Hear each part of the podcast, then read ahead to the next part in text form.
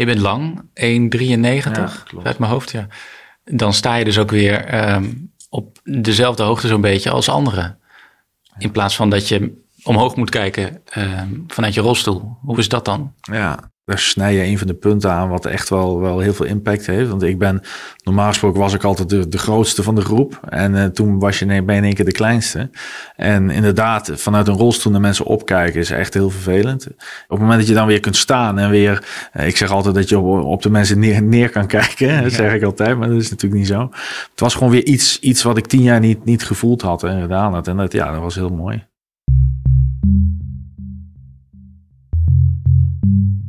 Je luistert naar Verder in Beweging, een podcast over innovatie in de zorg rond houding en beweging. Gemaakt door mij, Maarten Dallinga, in opdracht van de Sint Maartenskliniek. Aflevering 3, Exoskelet. Mijn naam is Ruben de Sen. Um, ik ben inmiddels 36 jaar en ik heb 14 jaar geleden door een, motorongeluk een uh, lage thoracale dwarslesie opgelopen. Sindsdien ben ik rolstoelgebonden en kun je dus niet meer lopen. Daarna ben ik gaan revalideren hier in de Maartskliniek. En door dat revalidatietraject ben ik uh, eigenlijk vier jaar geleden in aanraking gekomen met het exoskelet. Ik praat ook met Ilse van Nes, revalidatiearts van de Sint Maartenskliniek. Het exoskelet is een uh, gemotoriseerd pak, zeg maar twee uh, beugels die aan de buitenkant van het been zitten, die verbonden zijn door een uh, rompgedeelte. Daar zit een accu in. In die benen zitten motoren en die motoren die kunnen dat pak voortbewegen, waardoor je benen dus ook automatisch gaan meebewegen.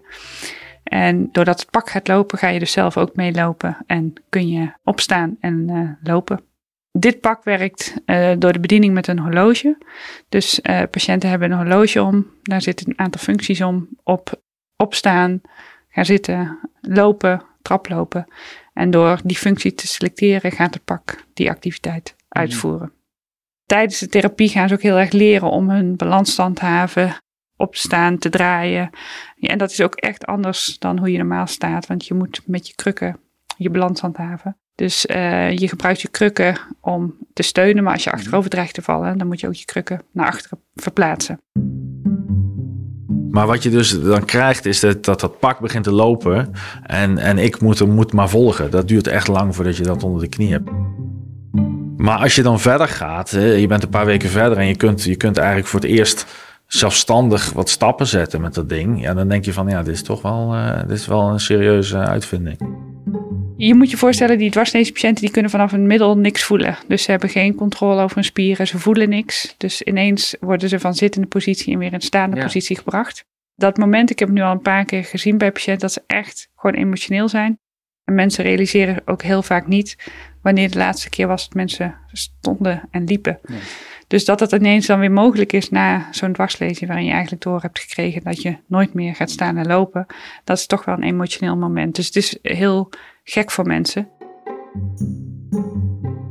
Mijn naam is Jebrail Tatou. Ik ben fysiotherapeut, ben werkzaam binnen de PE dwarslezing. En met zijn hulp kan ik het exoskelet zelf gaan uitproberen. Het moet natuurlijk op maat. Dus we gaan uh, je heupbreedte, bovenbeen en onderbeenlengte gaan we eerst mm -hmm. meten. Zodat je goed in het uh, pak uh, past. Een harnas ja. helemaal om mij heen tot het midden van mijn rug ongeveer. Hè? Ja, inderdaad. Uh, dat geeft uh, de revalidanten uh, de nodige stabiliteit. Ja. Ja, Dus, en dus natuurlijk de heupen en de, de benen. Met ook de, met schoenen erbij. Ja, inderdaad. Dat zijn standaard schoenen, die zitten dus nee, aan het nee, skelet dat, dat vast? Is, nee, elk revalidant neemt zijn eigen schoen mee. Oké. Okay. En die kun je bevestigen dus aan het skelet? Ja, ja, ja, ja aan het voetplaat. Ja, oké. Okay. Nu gaan we die schoenen veteren. Nou, toen ik voor het eerst in het, in het exoskelet stond, toen, um, toen waren daar wat, wat fysiotherapeuten bij en dergelijke. Ik had natuurlijk ook wat filmpjes van tevoren gezien, dus, dus hoe, het, hoe het zou zijn. Maar het was gewoon echt een mentale klap in mijn gezicht, om het zo maar te zeggen. Want ik had het niet verwacht dat het zo'n impact zou hebben. Om gewoon weer A te kunnen staan, maar vooral uh, je, je weer te kunnen verplaatsen zonder rolstoel. Dat was heel bijzonder. Dan kwam ik hier drie keer in de week en uh, drie keer anderhalf uur gingen we dan trainen ermee. Dan zie je gestaag dat het gewoon langzaam aan uh, beter gaat. En de eerste vier weken duurde het echt heel erg lang, want het, ik kon mijn balans niet vinden en, en noem maar op. Maar op het moment dat je dat te pakken hebt, ja, dan gaat het in één keer snel en dan wordt het heel erg leuk. Ja. ja, ja, ja. ja dan, dan, dan zie je gewoon dat je steeds zelfstandiger kunt gaan lopen. En op het moment dat dan de fysiotherapeut je loslaat en niet meer het pak vasthoudt terwijl je loopt, ja, dan denk je van hé, hey, ik, ik, ik loop nu gewoon weer. Het is natuurlijk wel anders dan normaal lopen. De, de passen zijn uh, steeds gelijk. Hè. Je uh, kunt daar niet ja. in uh, variëren. Hoe is dat? Ja, kijk, het, het, het lopen met het pak is, is, is, is niet, niet functioneel. Het, het, het is niet zo dat, uh, dat je daar kunt zeggen van ik wil tijdens het lopen mijn stap grootte veranderen of de snelheid of noem maar op. En daar is nog gewoon nog heel veel winst te behalen wat dat betreft. Het, het, het pak is nu gewoon een hele goede training. Het is heel goed voor je lichaam. Eh, ik, ik heb geen last meer van mijn rug sinds dat ik het aan heb. Uh, sommige, sommige klachten die ik had, die zijn wat, wat minder geworden. Dus ja, je hebt, je hebt soms wat last van je blaas en dergelijke. En dat is allemaal, allemaal minder geworden. Je de bloeding is beter. Ik voel me gewoon fitter. Dus het is wat dat betreft echt wel, echt wel een gezondheidswinst. Gewoon door het bewegen en het staan. Ja, ja gewoon, je, je kunt je misschien voorstellen als je de hele dag zit, ja. dat alles zakt in elkaar en, en noem maar op. En iedere keer als ik ga staan, dan voel ik gewoon dat alles weer een beetje op zijn plek schiet. Heeft zijn beperking, maar ook heel veel voordelen. Wat vind je de grootste voordelen? Ja, dat uh, complete dwarslesiepatiënten, dus mensen die geen uh, spierfunctie in de benen hebben, kunnen zich buiten de klinische setting uh, lopend voortbewegen. En dat is natuurlijk, met de exoskelet uh, was dat een unicum. In 2015 startte de Sint Maartenskliniek met het gebruik van het exoskelet. En toen waren we in Nederland de eerste die het exoskelet gebruikte als toepassing voor mensen met een complete dwarslesie, die het ook thuis mochten gebruiken. Dus we waren de eerste die het pak mee naar huis gaven. En er zijn nog wel andere uh, dwarslesiecentra, maar die gebruiken het pakval als trainingsapparaat. Om mensen tijdens de revalidatie te leren lopen. En Ruben was de eerste die een exoskelet mee naar huis mocht nemen. Hij mocht het twee weken lenen. Nou, wat belangrijk was, is dat daar een, uh, iemand bij zou zijn die weet wat hij, wist wat hij deed. Dus ik heb daar uh, Martijn, mijn, uh, mijn beste vriend, voor gevraagd of hij, mm-hmm. of hij dat wilde doen. En ja, dat wilde hij natuurlijk. Dus hij is daar ook een beetje in getraind van, goh, hoe ga je ermee om en hoe, hoe vervoer je hem en dat soort mm-hmm. dingen. En toen zijn we samen aan het wandelen gegaan, letterlijk. Mm, buiten. buiten. ja. En in het Goffertpark en, en noem maar, maar op. Ja, en dat, en, en dat was gewoon, gewoon zo, zo mooi dat ik dacht van, uh, uh, ja, dit, dit, dit, wil ik niet meer inleveren, dit ding. Nee. Ja. De Maartenskliniek heeft onderzoek gedaan onder 25 mensen. Ja. Wat is er uitgekomen? Ja, we, we, hebben verschillende aspecten in dat onderzoek. Nog niet alle resultaten zijn volledig uh, bekend, omdat we onlangs pas de laatste patiënt hebben geïncludeerd. Maar we hebben in het begin gekeken naar, of naar hoe we kunnen meten wat de vooruitgang is tijdens de training. Mm -hmm. Daarvoor hebben we een aantal taken geselecteerd, um, een stuk of 25, die gaan van heel eenvoudig tot heel complex. En we hebben gekeken of als je die taken zo afneemt, of je dan ook vooruitgang kunt meten. Mm -hmm. Nou, dat blijkt uh, goed te kunnen. Dus het is mooi dat we een soort van uh, trainingsopbouw kunnen geven. En dan, dat je ook uh, weet als een patiënt dat kan, dan kunnen ze alle onderliggende taken ook. Daarnaast hebben we gekeken naar welke factoren nu voorspellend zijn in het leren gebruiken van het exoskelet. We negen verschillende factoren bekeken.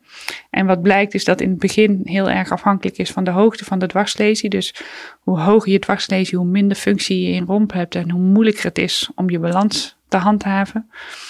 Um, is dat een hele belangrijke voorspeller samen met actieve leefstijl en angst. Dus als je heel angstig bent, dan is het wat moeilijker om het aan te leren. Maar gedurende het trainingstraject zien we die factoren veranderen. En aan het eind van de, het trainingstraject blijken vooral uh, gewicht, uh, leeftijd en actieve leefstijl eigenlijk een belangrijke mm-hmm. factor te zijn of je uiteindelijk dat trainingstraject ook afrondt. Was dat ook de verwachting? Nee, we hadden eigenlijk verwacht dat mensen met een hoge dwarslesie, dus een hoge, ja, je moet um, onder toricade 1 een dwarslesie hebben, want je moet wel handfunctie hebben om je krukken vast te houden en balans te kunnen handhaven. Uh, we hadden eigenlijk verwacht dat die uh, lesiehoogte veel belangrijker was voor het wel of niet kunnen nee. aanleren. Maar uiteindelijk blijkt dat de start misschien wel iets moeilijker is, maar dat het uiteindelijk voor alle patiënten lukt om ermee te lopen. Ja. Dus dat is wel bijzonder. Ja. Wat gaan jullie met deze resultaten doen? Nou ja, in de praktijk leren we natuurlijk heel erg veel van al die uh, ervaringen die we opdoen. En we hopen daarmee uh, ook ons trainingsprogramma verder te verfijnen. En ook de selectie van patiënten beter te mhm. kunnen doen. Dus we hebben nu van de eh, 25 patiënten hebben 14 patiënten uiteindelijk het pak thuis kunnen gebruiken. Er waren 15 patiënten die aan het eind van die acht weken training los konden lopen met een exoskelet. En dus ook een test mochten doen om het pak mee naar huis te nemen. Daar is helaas één patiënt nog voor gezakt. Ja, we weten niet zo goed of als we nou veel langer hadden getraind, of dan alle patiënten het pak uiteindelijk hadden mee naar huis kunnen nemen. Maar het heeft ons wel inzicht gegeven in welke patiënten wel en welke patiënten niet makkelijk kunnen lopen met zo'n pak. Ja lopend voortbewegen, dat is natuurlijk voor de patiënten niet vanzelfsprekend. Voor de complete patiënten, ja. maar wel patiënten die een volledige armhandfunctie hebben natuurlijk. Ja. ja. Dat is ook een van de beperkingen. Dat is ook een van de beperkingen, inderdaad. Dus uh, het betekent dat uh, de patiënten die geen goede armhandfunctie hebben, die kunnen met deze pak ook niet lopen. Nee. En van de andere kant is het ook zo natuurlijk, omdat de armen zeg maar niet vrij zijn, is het ook minder functioneel. Dat is weer de andere kant, uh, inderdaad. Ja.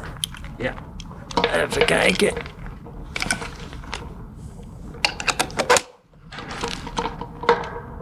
Het ziet er heel uh, complex uit, maar uh, getrainde revalidanten die zitten binnen twee minuten wel oh eh, in het pak. Ja. Zoals Ruben bijvoorbeeld. Ja, ja, die is heel snel. Patiënten, voordat ze mee kunnen doen aan het exoskelet, uh, moeten ze bij mij op de poli komen om een aantal dingen uh, te checken. Dus ze moeten goede bewegelijkheid van de gewrichten hebben. Je moet uh, je heupen helemaal kunnen strekken, je knieën helemaal kunnen strekken. Je moet je enkels voldoende kunnen buigen. Je moet niet veel spasmen hebben, je moet geen wondjes hebben. Uh, je mag geen breuken hebben gehad, want je gaat natuurlijk staan. Ja. Uh, dus nou, dat moet allemaal intact zijn. Dus je moet zeker weten dat het veilig is om te kunnen lopen. Dus het is niet zomaar iets even van, oh, we, trekken een patiënt even een pak aan en uh, we laten hem gewoon lopen. Vervolgens doen we ook een botdichtheidsmeting om te kijken of het bot niet te zwak is. Okay. En in eerste instantie is het gewoon alleen maar opstaan en kijken hoe dat gaat. En dat mhm. betekent dus dat je je krukken achter je moet neerzetten. je moet wachten op piepjes. En op het moment dat je drie piepjes hebt gehad, moet je jezelf wel mee omhoog drukken. Okay, dus je krijgt wel een signaal dat je iets moet doen ja, elke keer als er uh, drie piepjes klinken, dan gaat er iets gebeuren. Dus dan moet je uh, anticiperen. Toen dacht je, ik wil er een voor mezelf. Ja.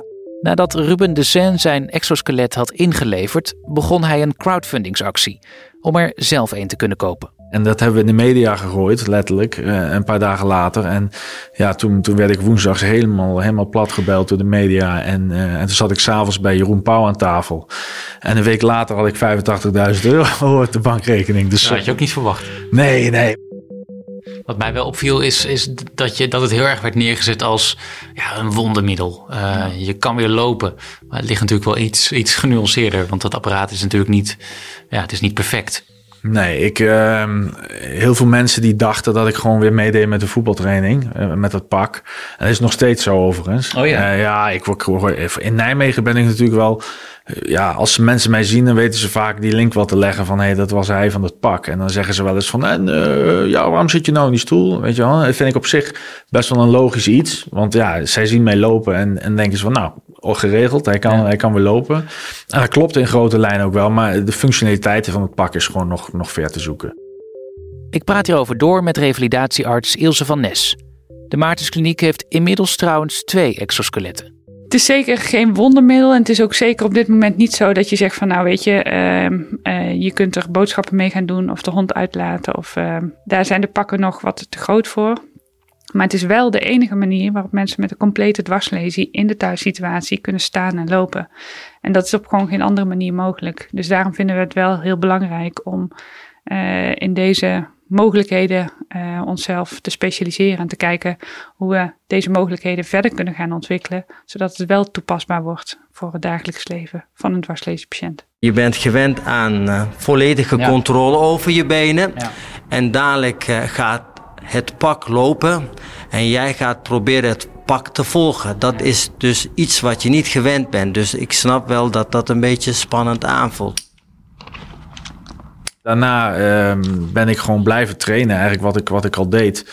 En uh, gelukkig mocht ik ook nog hier in de kliniek nog een paar keer komen om toch je skills een beetje te, te mhm. fine-tunen, om het zo maar te zeggen. Maar ja, toen ben ik, ben ik gewoon eigenlijk losgelaten de wereld in, om het zo maar te zeggen. En dan, ja, dan gebruik ik hem thuis. En dan, um, en dan bedoel ik niet zozeer thuis binnen. Want het kan wel binnen, maar dat, ja, dat, is gewoon, deze het gewoon nog te, te lomp voor allemaal. Mm. En, uh, of mijn huis is te klein, een van de twee. je kunt het op die manier bekijken. Maar, uh, maar buiten kun je, kun je mooi lopen. En dus inderdaad het Goffertpark weer in. En een keer uh, misschien naar een verjaardag waar iedereen, iedereen staat en ik moet zitten. En dat ik hem dan aan kan trekken. En iedereen kijkt natuurlijk naar ja. Hoe, is dat? Nou ja, dat, dat is in de praktijk gewoon lastig. Want uh, en ik begrijp het, dat wat mensen zien dat en die denken, waar komt die nou voorbij? Want het, het, het, mensen vergelijken het altijd met, met Robocop, maar zo klinkt het ook echt. Ah, ja. Dus je, hoort, je komt aanlopen en dat ding, dat, dat, dat, maakt, nee, kan ik niet zo goed nadoen. Maar het is gewoon echt een, een mechanisch geluid. Je hoort, je hoort echt een, een, of ja, je hoort echt een robot aankomen. Dat, dat hoor je gewoon. En wat ik dan gemerkt heb, is dat bijvoorbeeld als je naar een verjaardag gaat en je gaat daar staan met dat ding, ja, dan, dan ben je gelijk, dan is alle aandacht op jou gericht. En dat is natuurlijk ook niet helemaal de bedoeling. De, de pakken die wij hier in maatschappij gebruiken, hebben wij zelf betaald. En uh, we zijn wel bezig geweest om te kijken of we dit ook via de zorgverzekering uh, vergoed konden krijgen. Tot op heden is dat helaas nog niet uh, gelukt. we hebben ook een aanvraag ingediend bij het Zorginstituut voor toekenning voor voorwaardelijke toelating. Maar dat is ook afgewezen omdat ze zeggen, ja, het is nog niet de stand van wetenschap en praktijk. Alleen daar zit je dus in een dilemma, want omdat je het niet uit kunt proberen in de thuissituatie, kan het dus ook nooit praktijk worden. Want we kunnen niet laten zien wat de resultaten op langere termijn Wat zou er gebeuren? Wat zou de consequentie zijn als je die toekenning zou krijgen? Dan zou het um, voorwaardelijk in het uh, basispakket kunnen worden opgenomen, hmm. waardoor we een aantal patiënten kunnen voorzien van zo'n exoskelet, waardoor je dan ook op langere termijn de resultaten uh, van thuisgebruik kunt uh, onderzoeken. Want wij verwachten dat op het moment dat mensen meer zo'n pak gaan gebruiken, dat ze fitter worden, minder risico op de cubitus, betere blazendam, eh, wonden. wonden aan het zitvlak, omdat ze de hele tijd in de rolstoel zitten. De blaas- en darmregulatie verwachten dat dat beter gaat, mensen minder medicijnen nodig hebben. Maar ja, dat zijn um, dingen die je over een langere tijd moet onderzoeken. En daarvoor moeten mensen het gewoon lang thuis gebruiken. En daar is die twee weken die wij nu kunnen geven eigenlijk veel te kort voor. De zorgverzekeraar zou ook kunnen zeggen: we gaan het alsnog vergoeden, want uh, het werkt preventief. Hiermee voorkomen we heel veel uh, andere zorgkosten. Dat zeggen jullie natuurlijk ook. En wat voor reactie krijg je dan? Ja, dat het uh, op dit moment te duur is en niet, niet, um, nog niet voldoende bewezen effectief is. En dan zeg jij?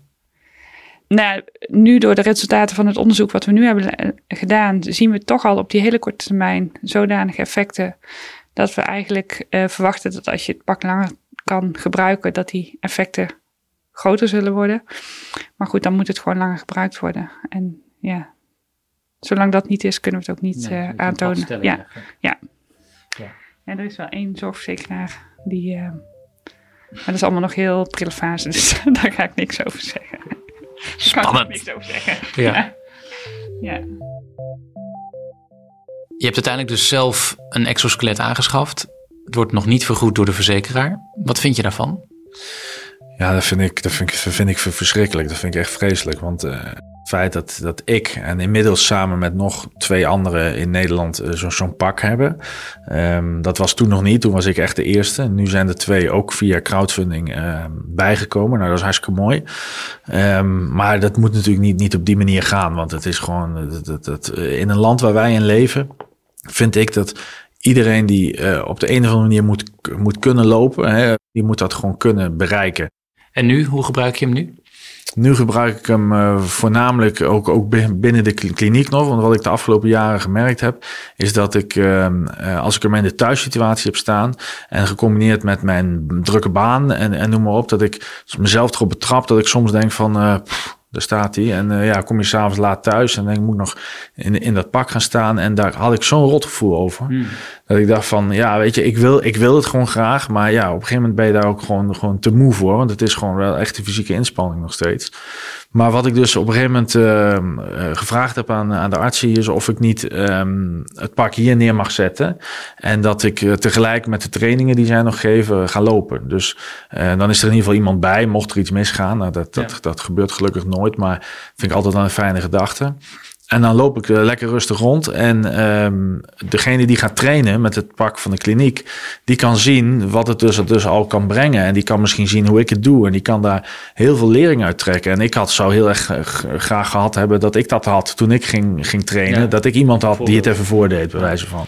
Dus dat, um, die combinatie doen we nu een aantal maanden. En dat, uh, ja, dat gaat eigenlijk heel goed. Gebruik je hem buiten ook nog? Ja, ja, op zich wel. Als het, uh, als het weer er een beetje naar is. Want uh, ja, in de regen gaat, wil niemand graag buiten lopen natuurlijk. Maar uh, in de zomer veel. En in winters eigenlijk niet hoor. Want ja, het, het, het zou wel kunnen. Maar vaak als de stoepen nat zijn en, ja. en noem maar op. Dan ja, het, het is allemaal, allemaal best wel gevoelig nog wat dat betreft. Nou, ik heb nu in iedere hand een kruk. De microfoon kan ik niet meer vasthouden. Dus die heb ik voor mijn borst gehangen een beetje in mijn, in mijn trui. Ja. Hoop ik dat hij blijft zitten. Ja, dadelijk uh, voor het moment dat je gaat staan, moet je wel je krukken ter hoogte van je heupscharnier okay. gaan houden. Echt daar. Ja. ja. En dan hoor je eerst een piep. Ja. Dan gaat je romp naar voren. Je krijgt meer buiging in je heup. Ja. En vervolgens, erachteraan komen drie piepen. En na die derde piep ga je dus ga ik omhoog. omhoog. Naar de derde piep ga ik omhoog. Ja. Laat het, maar, ja, laat het maar gebeuren. Zo direct ga je de eerste piep horen. Ja. Ja. Ga een beetje omhoog. Naar voren. Hou die druk vast. Ik hou de druk vast. Naar Twee, beneden. drie. En Ah. de elleboogkruk naar voren. Ja, oh ja. Oh, dat valt wel mee eigenlijk. Ja. Maar het is toch wel heel erg spannend ook. Ja. Kun je krukken verder Het zweet breekt me uit. Zo. Zo heb je je balans. Ja, Hiermee nou, nou, we ook altijd, hè? Ja, een soort van balans. Nee, ik heb wel balans, ja. Maar het voelt natuurlijk heel erg onnatuurlijk. Ik ga dadelijk uh, de opdracht geven om mee te lopen. Ja? Het begint altijd met de rechtervoet. Ja, oké. Okay. Dus ik, dan breng ik jou naar de linkerkant en jij gaat ook mij helpen. Jij gaat dat vooral doen, dus Mhm. mm -hmm. je lichaamsgewicht naar links brengen. Vervolgens begin je te lopen en Ja. dan blijft het apparaat lopen. En de kunst is op het juiste moment de gewicht te Ja, ja. verplaatsen zodat je zwaaibeen vrij naar voren komt. En houd pas op als jij op het knopje drukt. Het houdt pas op als we een loopfout maken. Oh. Dus als we uh, in plaats van het zwaaibeen vrijmaken richting het zwaaibeen gaan en de voet voelt druk, weerstand, dan gaat hij ook Dat stoppen. is een veiligheidsmechanisme. Ja. En, ook, en ook het manier om, uh, om te stoppen. Oké. Ja. Wat vond je er zelf van eigenlijk? Ik neem aan dat je het gedaan hebt. Ja, ja, ja, ja, ja. Ik, uh, de eerste keer vond ik het ook heel erg uh, een, een, een, een gek gevoel eigenlijk. Ja. Omdat je je overlaat aan het apparaat. Ja. Je bent de controle kwijt. Hè? Je wilt vooral zelf lopen en dat werkt dan tegen. Ja. Hè? Dus het is totaal tegen het nat natuur in. Ja, maar gek. bij de gebruikers, bij de pilots hebben die probleem natuurlijk niet. Hè? Die hebben geen uh, spierfunctie in de Nee. benen. Dus uh, dat tegenwerken hebben zij niet. Nee. Hè? Maar voor hun Ook bij is hen het- voelt het toch wel onnatuurlijk, kan ik me voorstellen. het eerste, toch anders? eer- eerste keer wel, maar daarna is dat gauw over. Oké. Ja. Wat verwacht je van de toekomst van het exoskelet? Ja, ik verwacht de toekomst van het exoskelet vergelijk altijd een beetje met de ontwikkeling van de vliegtuigen. De eerste ehm, mensen die vliegtuigen bouwden, die werden een beetje uitgelachen, want het ging toch nooit lukken. En inmiddels stappen we massaal met z'n allen eh, in een vliegtuig. Op het moment dat we in staat zijn om alle technologische kennis en mogelijkheden in zo'n exoskelet ook te stoppen, kunnen die exoskeletten dunner worden, eh, waardoor ze makkelijker ook te dragen zijn als je in de rolstoel zit. Als je ze zonder krukken kunt gaan gebruiken, dan kun je ook gewoon in je dagelijks leven er veel meer mee doen. Dus eh, ik hoop dat we toegaan naar een exoskelet wat je 's ochtends aan kan trekken, waarmee je in je rolstoel kunt gaan zitten en dan op de momenten dat, je, dat het nodig is om te staan en lopen, vaak binnenshuis, dat je dan kunt opstaan en je dingen kunt doen en weer kunt gaan zitten in de rolstoel. Zal de rolstoel niet gaan vervangen? Ik verwacht uh, dat voor de lange afstanden mensen altijd in de rolstoel nog handiger zijn. Maar uh, het zou mooi zijn als het wel uh, makkelijker toepasbaar gaat worden in het dagelijks leven. Ja, en dan zou het misschien ook goedkoper gaan worden. Nou ja, dat is een beetje de padstelling waar we nu in zitten. Het is zo duur omdat er zo weinig uh, gekocht wordt, omdat het niet vergoed wordt. En omdat het niet vergoed wordt, blijft het zo duur. Dus uiteindelijk zal er een keer ergens iets moeten gaan gebeuren om meer exoskeletten op de markt te krijgen. En op het moment dat er meer op de markt krijgen, uh, komen, dan, dan wordt die ook goedkoper. Proberen jullie dan ook subsidie los te peuteren? Zodat jullie er meer mee kunnen experimenteren en misschien dan ook gangbaarder wordt om te gebruiken? Nou ja, door het onderzoek wat we doen, proberen we meer inzichten te verwerven. Daarna daarnaast geven we onze kennis aan uh, de projectteam van Project March. Dat is een studententeam in Delft, die ook als doel heeft om mensen met een dwarslezing te laten lopen. En zij bouwen elk jaar een heel nieuw uh, exoskelet. Alleen dat bouwen ze voor de ene deelnemer van Project March. Dus dat is niet een goedgekeurd apparaat wat wij in de revalidatiecentra zouden kunnen gebruiken. En daarnaast uh, hebben we een grote onderzoekssubsidie van TTW. Uh, eh, om, dat is? Ja, dat is de toegepaste technische wetenschappen, de MWO zeg maar. Mhm. Om het exoskelet verder te ontwikkelen. En dat doen we samen met de Universiteit van Enschede. En daarmee gaan we ons focussen op het lopen zonder krukken, op meer terugkoppeling vanuit het exoskelet. Dus dat je door middel van trillingen of geluidjes of nou ja, wat meer feedback uit je benen mhm. krijgt. En daarnaast willen we eigenlijk kijken, want nu lopen alle exoskeletten in een vrij strak tempo. En eigenlijk zou het mooi zijn als je variabel je stappen kunt zetten. Zodat je een grotere stap kunt zetten als het nodig is, of een kleinere stap als het nodig is. Dus dat zijn de elementen waar we ons in het onderzoek op richten. Ja.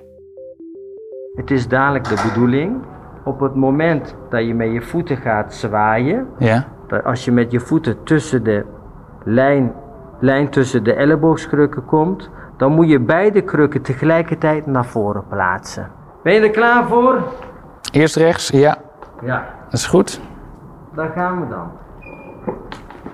Hij gaat nu lopen. Naar rechts. Mijn hemel. Vergeet je krukken. Oh ja, nee, niet mijn krukken vergeten. Vergeet je kruk niet. Tegelijkertijd. Tegelijkertijd, ja. Oké, ik ga nu vooruit. En het, ik vind het net alsof ik een robot ben. Ik ga een beetje schuin, is dat de bedoeling? Nou, we gaan naar links, ja. Okay. Krukken, krukken niet ja. vergeten. Krukken niet vergeten. probeer ja. te lopen. Probeer het apparaat te volgen. Oké, apparaat volgen. Ja. Ik, ga nu, ik steven nu op een muur af, maar nee, we gaan naar links. Ja, jeetje, wat is dit eng. Het is heel moeilijk om je gewoon te laten gaan. Om je eraan over te leveren. Vergeet de krukken niet. Vergeet de krukken niet, nee, ik hoor het. Ja. Ik heb geloof ik wel een idee. Oké, we gaan nu stoppen. Ja. Ah. Stop. Ja. Die krukken naar voren brengen. Ja, kijk zo. Jeetje. Op het moment dat je de krukken niet kan je dichterbij komen? naar voren nee, brengt, ja, ja. Dan blijft die apparaat lopen, want dan maak je steeds ruimte vrij. Ja. Je moet voor die zwaaiende been uh, ruimte maken op het moment dat je wil lopen. Ja. Dus als je wil stoppen, moet je het tegenovergestelde doen. Ja. Dus het was niet zo heel erg goed, hè? Nou, het lopen ging wel goed, maar het stoppen ging lastig. ja. Ik wil eruit. Ja. Ik wil eruit. Ja, dat gaan we doen. Oké. Stel nou dat je dit luistert en denkt: ik wil het zelf proberen, het exoskelet. Kan dat? Wat kun je doen? Ja, als jij um, geïnteresseerd bent om het exoskelet te gebruiken en uh, te kijken wat voor jou de mogelijkheden zijn en je hebt een complete dwarslesie, dan kun je vragen aan je behandelend revalidatiearts of aan je huisarts om een verwijsbrief um, te schrijven naar de Maaskliniek. Dan roepen we je op op de polykliniek om een intake te doen en te kijken of je aan alle uh, voorwaarden voldoet om te kunnen lopen met het exoskelet. En dan kunnen we je aanmelden voor een trainingsperiode waarin je acht weken uh, getraind gaat worden. Is er een wachtlijst? Ja, er is een wachtlijst. Die is op dit moment niet zo lang en ook vrij variabel, omdat mensen met een dwarslesie ook zomaar niet kunnen deelnemen en dan schuif je gelijk drie maanden op. Dus dat is moeilijk te zeggen op dit moment. Dit was de derde aflevering van Verder in Beweging. Enthousiast, luister dan ook naar de andere afleveringen en laat een recensie achter in je podcast-app. Of deel deze aflevering via sociale media. Wil je reageren? Mail dan naar communicatie.sintmaartenskliniek.nl. Bedankt voor het luisteren.